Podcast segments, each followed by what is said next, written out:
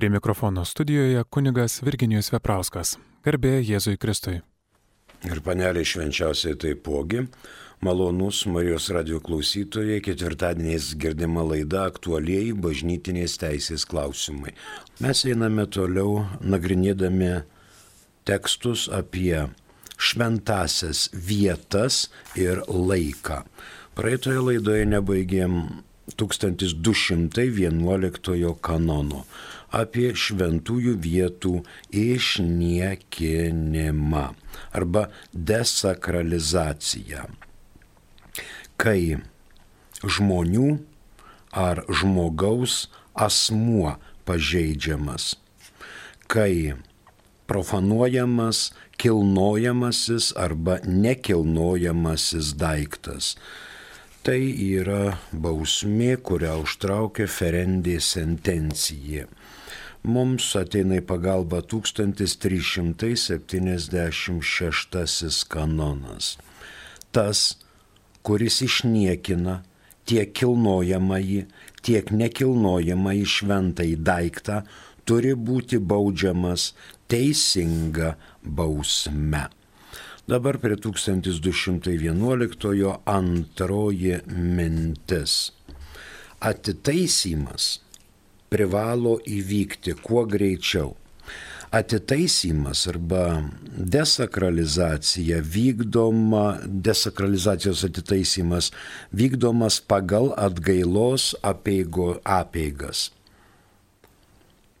Yra apeigynai ir turi būti nurodyta, kaip tai daroma pagal liturginę teisę, gausiai dalyvaujant tikinčiesiems ir aišku, kuo greičiau. Tai visų pirma žodžio liturgija, šventosios mišios. Kol atitaisimas neįvyko, toje sakralinėje vietoje negalima nei sakramentų, nei kitų šventų veiksmų administravimas ir ypatingai šventų mišių atnašavimas negalimas. Tačiau nors ir negalima švesti Euharistijos sakramentų, tačiau žmonės ruošiami atgailai. Šitam atitaisymui ir tokiu būdu, kokį nurodys pagal liturginės knygas vietos ordinaras pagal liturginę teisę. Aišku, vietos vyskupas dalinėje teisėje gali būti išleidęs ir kitas nuorodas, pagal kurias galima susiorientuoti, kad buvo vieta desakralizuota. Kaip girdėjote, sunkiai pažeidžiamos teisingumą, kažkokie tai veiksmai. E, paskui gali būti tikinčiųjų papiktinimo iššaukimas.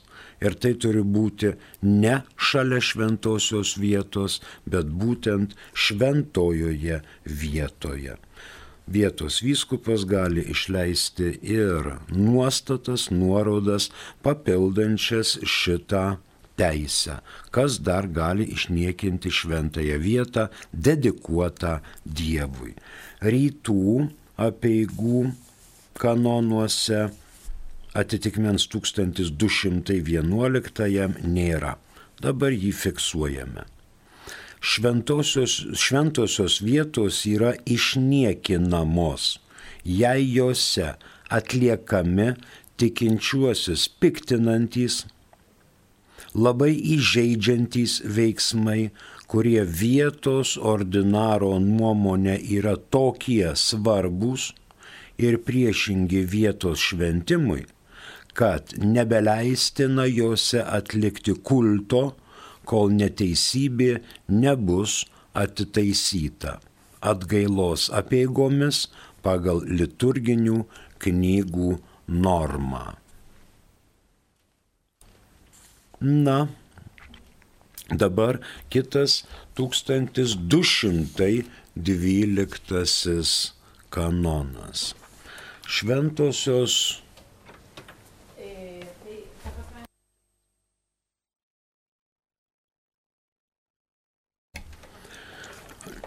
Du, 1212 kanonas. Šventosios vietos netenka dedikavimo ar palaiminimo, jei buvo sugriauta didžioji jų dalis. Arba kompetentingo ordinaro dekretu ar faktiškai buvo perleistos nuolatiniam pasaulietiškam naudojimui. 1212 kalba apie desakralizaciją. Ji įvyksta trim atvejais. Pirmasis - didesnė pastato dalis sunyksta. Dėl ko? Karo veiksmai, žemės drebėjimas, vandalizmo aktai, gaisrai, sprogimai, didesnė pastato dalis sunyksta didesnė. Ne tik tai stogas sudegė, bet didesnė pastato dalis. Kitas dalykas, faktiškai kaip sakralinės pastatas pereina civiliniam reikmėm, pastoviai. Čia ateina į pagalbą 1210 kanonas. Šventojoje vietoje leidžiama tik tai, kas tarnauja kultui, pamaldumui, religijos praktikai ir skatinimui. Ir draudžiamas bet koks vietos šventumai svetimas dalykas. Bet ordinaras atskiru atveju gali leisti kitus panaudojimo būdus, jei tik jie neprieštarauja vietos šventumui. Tai va šitas faktinis perėjimas civilinėm reikmėm. Tarkim, Vilniaus katedra buvo perimta civilinėm reikmėm ir tapo paveikslų galerija. Vargonų muzikos koncertai ten buvo, tai nebuvo kulto pastatas, reiškia desakralizacija įvyko, šitą e, katedrą perėjo civiliniam reikmėm.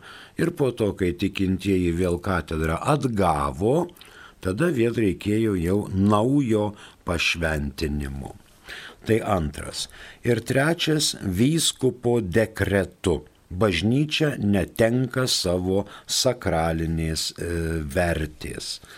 Iš tokių man asmeniškai žinomų tai yra senoji šančių bažnyčia vyskupo dekretu gražinta į civilinę plotmę. Nes šančių tikintieji neturėjo bažnyčios, po to bažnyčia pasidarė iš parako sandėlio ir kai pastatė naują bažnyčią, po to jau tas parako sandėlys vėl buvo vyskupo dekretu mm, panaikintas kaip kulto pastatas. Vėl grįžo į pirminę civilinę reikmę. Dėl bet kokios šios priežasties, ar didesnė pastato dalis sunyksta, ar faktiškai pereinama civilinėm reikmėm arba vyskopo dekretu, bet kokiu atveju bažnytinė valdžia išleidžia dekretą ir nurodo, kuri vieta dabar tinkama tikinčiųjų pamaldumui kurią vietą dabar reikia dedikuoti tikintiesiems, kai jie neteko savo parapinės bažnyčios ar koplyčios ar dar ko nors. Dar galima tą 1376 perskaityti. 1376 tas, kuris išniekina tiek kilnojamąjį, tiek nekilnojamąjį šventąjį daiktą, turi būti baudžiamas teisinga bausme. Reiškia, niekam nevalia išniekinti šventų daiktų.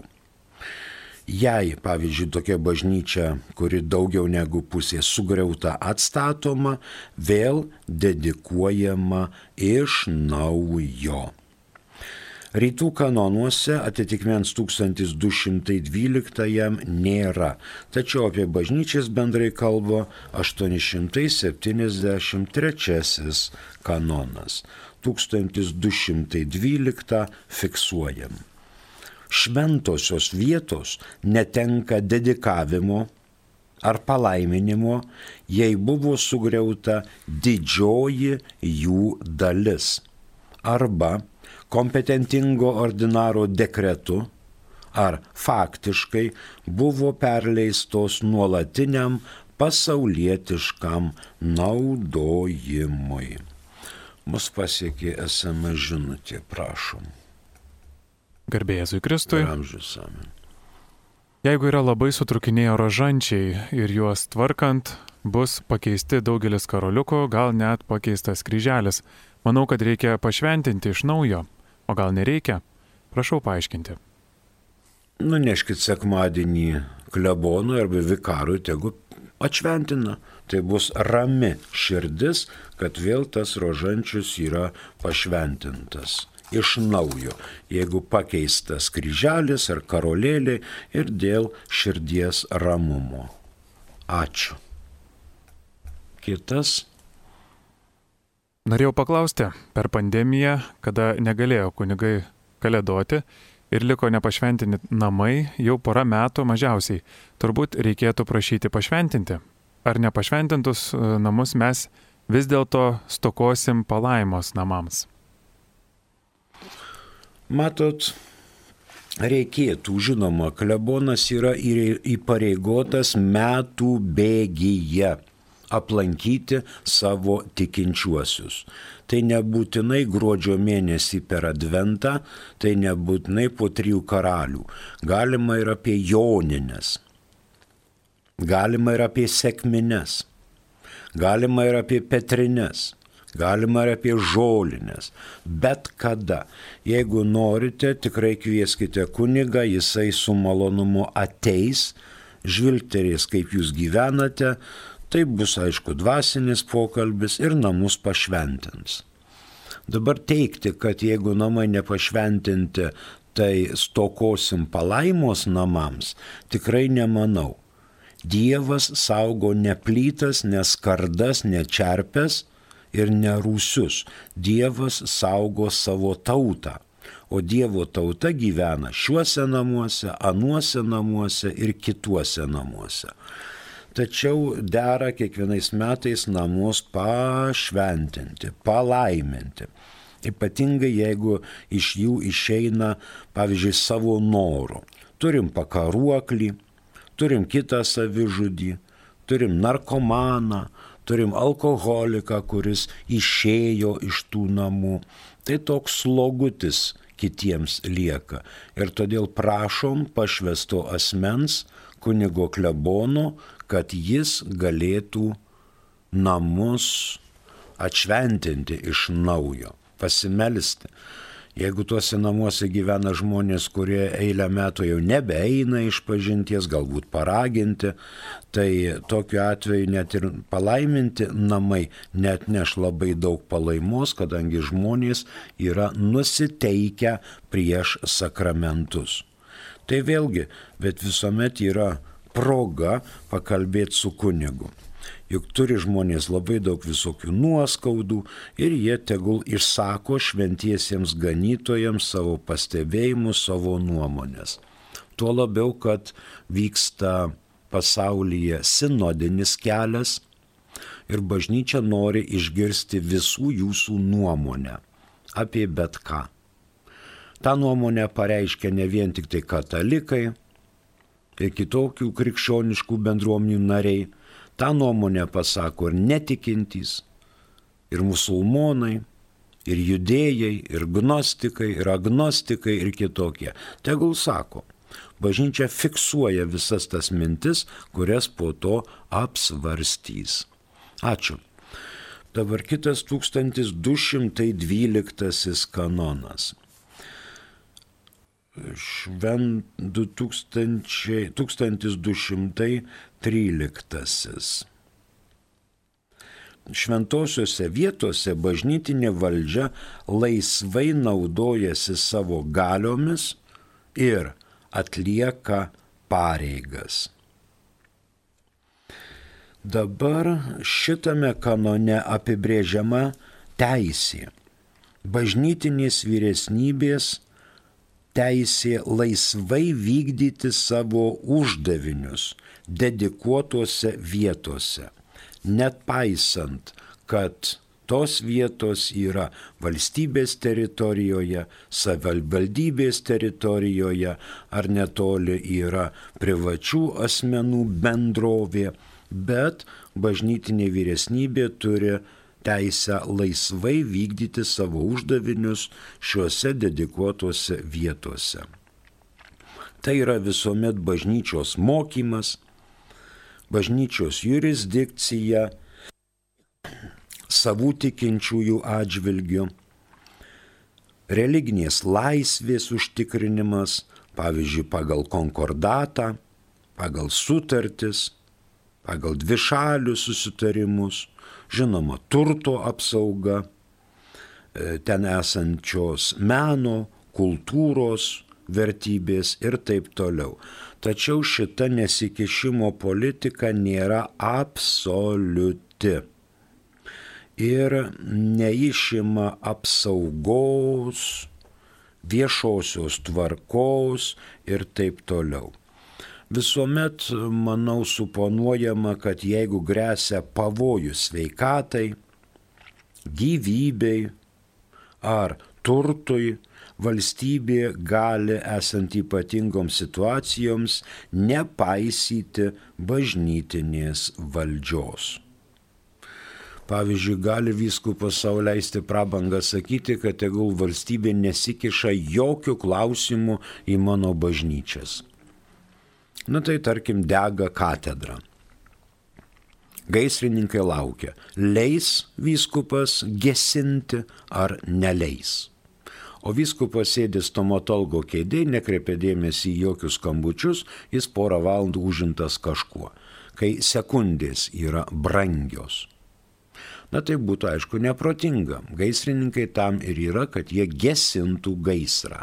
Tai yra sekundžių klausimas. Tie visi altoriai, tie visi tenais skultūra, drožiniai, libdyba, kad nepražūtų. Ir tuose konkordatuose, dvišaliuose susitarimuose privalo būti nurodyta, kokiom aplinkybėm valstybė gali drąsiai įsikišti, kai yra ypatingos sąlygos turtui, gyvybei, sveikatai ir taip toliau mums paskambino. Prašom. Skambina klausytoja Alma iš Rokiškio. Klausom jūsų. Garbėjusui Kristui. Per amžius. Klausimas toks, nu, man paskambino iš Vilniaus, kad, nu, prieš pusantrų metų miręs vyras. Dabar, birželio pirmą, jam būtų 90 metų. Motinos teiraujasi sunus, ar galima užprašyti šventas mišes tėvo gimtadienį mirusio tėvo gimtadieniui. Tai mes jau pasis, pasitarėm su drauge, sakom, nu, gimtadienį tai lyg ilgiausių metų, o čia amžinatelsi, kaipgi čia dabar iš tikrųjų geriausia. Ačiū. O geriausia yra taip, kaip jūs priimsit sprendimą. Jeigu jums ilgiausių metų prieš pusantrų metų mirusiam žmogui, mielai prašome, užsakykite kitą dieną. Bet bažnyčia nemato jokių priežasčių, kodėl nederėtų melstis per to žmogaus gimtadienį už jį mirusį, kuris būtų jau sulaukęs 90 metų. Galima. Galima per gimtadienį melstis už mirusius, užprašyti mišes, galima per vardadienį melstis už mirusį, užprašyti mišes. Galima. Galima mirties dieną, matot, pavyzdžiui, metinės e, išpuola, taip sakant, kokie antradienį, trečiadienį ar ketvirtadienį ir žmonės pasimetę. Ar galima prieš, ar galima po, nes paprastai žmonės nedirba šeštadieniais, sekmadieniais, jiem patogiau susirinkti savaitgalį. Aišku, kad nėra jokio nurodymo, kad būtent tą dieną ir būtent tą valandą, kada jisai mirė. Galima keletą dienų prieš, galima keltą dienų po ir gali tai būti gimtadienis, kiek žmonių miršta per savo gimtadienį ar vardadienį. Bet mes kaip krikščionys melžiamės už juos, kurie yra palikę šį pasaulį. Ačiū, ponia Alma. Ale kad jums skambina įrokiški iš paties Vilniaus, nu, Vilniečiai. Ačiū, dar mes turim turbūt SMS kokią žinutę, prašom. Jonas rašo garbė Jėzui Kristui. Kam ant bažnyčių bokštų reikalingi žaibolaidžiai? Ar Dievas nežino, kad čia jo namai ir neapsaugo nuo perkūno? Nu, perkūnas tai čia nelabai ką pakenks tam bokštui su visais žaibolaidžiais. Bet kad nesudarytumėm daug darbo gaisrininkam, ugnegesiam gelbėtojam. Aišku, kad nereikalingai žaibolaidžiai. Absoliučiai. Vat kam bažnyčiai žaibolaidis? Bet jeigu žaibolaidžio nėra, gaisrininkai rašo baudas ir įpareigoja parapijos kleboną įrengti žaibosaugą. Aišku, kad nereikalingas, bet kai pradės kaukti sirenos prie degančios bažnyčios, kuri užsiliepsnojo nuo žaibo, tada akimirksniu bus aišku, kas tenais įvyko ir dėl ko. Dievas žino, kad čia jo namai. Bet rusiškai sakant, birižonnava į boh birižot. O čia tai jau yra gerai. Perkūnas nesisvaido blogais dalykais. Žaibai svaidosi ugnimi, iškrovomis ir žinoma bažnyčios dega. Ne tik bažnyčios. Ir namai, kuriuose galbūt gyvena šventi žmonės. Dievas tai žino. O visa šita pareina nuo gimtosios nuodėmės nes po gimtosios nuodėmės mes patiriame kančią, skausmą, mirtį. Iki šiol visa kūrinyje tebe dūsauja ir tebesikankina, nes žmogus nepakluso Dievo prašymams. Ačiū. Dar turime ką nors. Prašom. Šventose vietose e, vykstant atlaidams šventoriuje arba šalia jo būna parduodančių įvairių rožančių, paveikslų ir panašiai. Bet tame tarpe būna įvairių zodieko ženklų, vaikiškų ginklų ir panašiai. Kas turėtų peržiūrėti, kad tokie dalykai nebūtų pardavinėjami ir e, neklaidintų žmonių? Taip, šventoriuje arba šalia jo.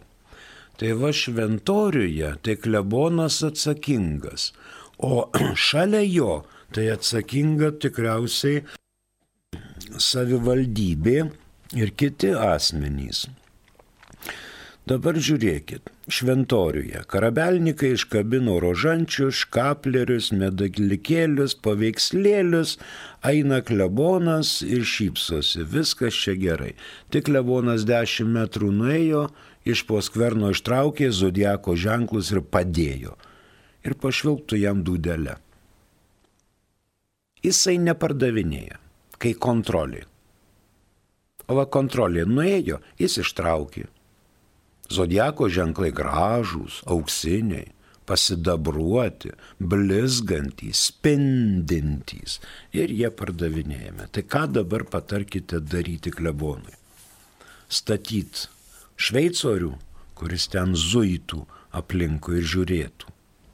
Gal? Tie dalykai nekelia krikščioniško pasitikėjimo. Labai. Tie zodieko ženklai ir kitka. Religinė atributika taip. Ačiū už pastebėjimą. Reikės atkreipdėmėsi turbūt ir į atlaidus. Ačiū, dar turim klausimą. Katalikai teigia, kad Marijos kūnas buvo paimtas dangun po mirties ir ten atgaivintas, o stačiatikiai teigia, kad dar leisgyvę, leisgyvę angelai e, pradėjo kelt dangun. Kuri pusė klysta, kuriuose analuose užfiksuotas šis mistinis aktas? Čia turbūt labai retas klausimas, iš kažkada tai se, seniai, seniai buvo paminėtas šitoje laidoje. Jokiuose analuose nėra užfiksuota šito mistinio akto pasireiškimo formulė. Čia yra tikėjimo tiesa. Norėčiau matyti, kaip Marija leis gyvę į dangų pradėjo kelt angelai angelas su sparnais, gražiais baltais rūbais apsirengęs, prilaikydamas vienas už rankytės, kitas už kojytės ir kelia panelę švenčiausią į viršų. Taip su tokiu nuometu pasidalinusią, plaukose gėlytės, jinai geltonkasė, melinakė, daili, nepaprastai daili kaip Dievo motina ir leis gyvę kelią į viršų. Gal deguonies kaukę dar uždėjo, kad neuždustų visiškai ir panašiai. Šito tikrai nėra. Nėra klaidos manyti, kad leis gyvę, nėra klaidos manyti, kad kitaip. Bažnyčia tvirtina faktą, kad Marija su kūnu ir siela paimta į dangų pas angelėlius ir vainikuota dangaus karalienė. Virš visų aniualėlių, archaniualėlių, patriarchų, pranašų, apaštalų, išpažinėjų ir taip toliau. Jis ten tvarko dangų. Moteriška. Tik tai žmogus. Jėzus Kristus yra ir Dievas, ir žmogus, o Marija yra tik tai žmogus, bet jinai yra dangaus karalienė. Ir ten, jeigu kas nors prasibrausime pro tuos ankštus vartelius, panelė švenčiausia tikrai mus ten sutiks su šypsena. Gražiai, gražiai baltai apsirenkusi, nuostabiam kurpaitėm, plevenančia suknute, baltom rankelėm gražiai sudėtom, su nuometėliu. Kaip gražu. Ačiū. Na, dar vienas klausimas. Garbėjai Jėzui Kristui. Mhm. Ar gali vyskupas parapijos kleboną perkelti į kitą parapiją, nepraėjus kadencijai? Gali. Apie kadenciją aš nesu girdėjęs. Ar yra Lietuvoje kadencija? Jeigu vyskupas kleboną skiria parapijai, tam tikram laikui. Pavyzdžiui, penkeriem metam, septyneriem metam, devyneriem metam ar dešimčiai metų, tada klebonas gauna kadenciją. Jo dekrete parašyta, esi skiriamas tamsta mylimas dešimčiai metų klebonauti šioje parapijoje. Na tai tada klebonas pirmus kokius keturis šešis metus uoliai dirba, darbuojasi, remontuoja, dažo, karpo, tveria, grindžia. O kitus keturis metus jis kažkaip lik apsnūsta. Kitas ateis, tegul kitas daro, o mano laikas jau tiksi. Kas iš to išlošia? Vyskupija, vyskupas, bažnytinė bendruomenė. Todėl aš nežinau, kad būtų kadencija, kad būtų skiriami kunigai tam tikram metų skaičiui. Yra dekretas, tamsta esi skiriamas. Ir vyskupas laisvai gali skirti kunigą kitur. Laisvai. Aišku, vyskupas negyvena dramblio kaulo bokšte. Jam ateina informacija. Tas kunigas toks, tas anoks, trečias kitoks. Ir kažkokį, kažkurį kleboną jau užkniso skundai, pavyzdžiui. Kitoj numerė kunigas reikia perskirstyti Trečiam punkte baigė seminariją kokie šeši kunigėliai vyskupijoje, reikia jiem vietos po saulę. Kažkas paseno, nukvako, nebesuskaičiuoja pinigų jau klebonai, na tai tada žinoma jie iškeliami. Ir kunigas e, keliamas, nes vyskupas negyvena dramblio kaulo bokšte, o jį pasiekia visokios žinios. Ir jisai sėdi ir galvoja, na ką čia dabar padarius gero vyskupijai. Ir pradeda analizuoti, o jeigu šitą ten, o jeigu tą iš ten čia ir taip toliau. Ir tada taip gimsta dekretai. Vyskupas laisvai kilnoja savus kunigus. Todėl, kad nepraėjus kadencijai, žinoma, kad gali. Gali.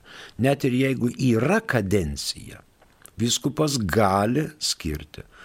Susikloščius ypatingai situacijai, mielas broli, jūs dar ten turėtumėte likti toj parapijoje tiek ir tiek laiko, bet va, susiklošius ypatingai labai svarbiai situacijai dėl bažnyčios gėrio ir tikinčiųjų sielų išganimo esate atleidžiamas iš tos parapijos ir skiriamas į tą parapiją. Nebūtinai klebonų gal altaristą. Tarkim, kunigas neteko kojos arba dviejų kojų avarijos metu. Jis nepajėgus eiti klebono pareigų.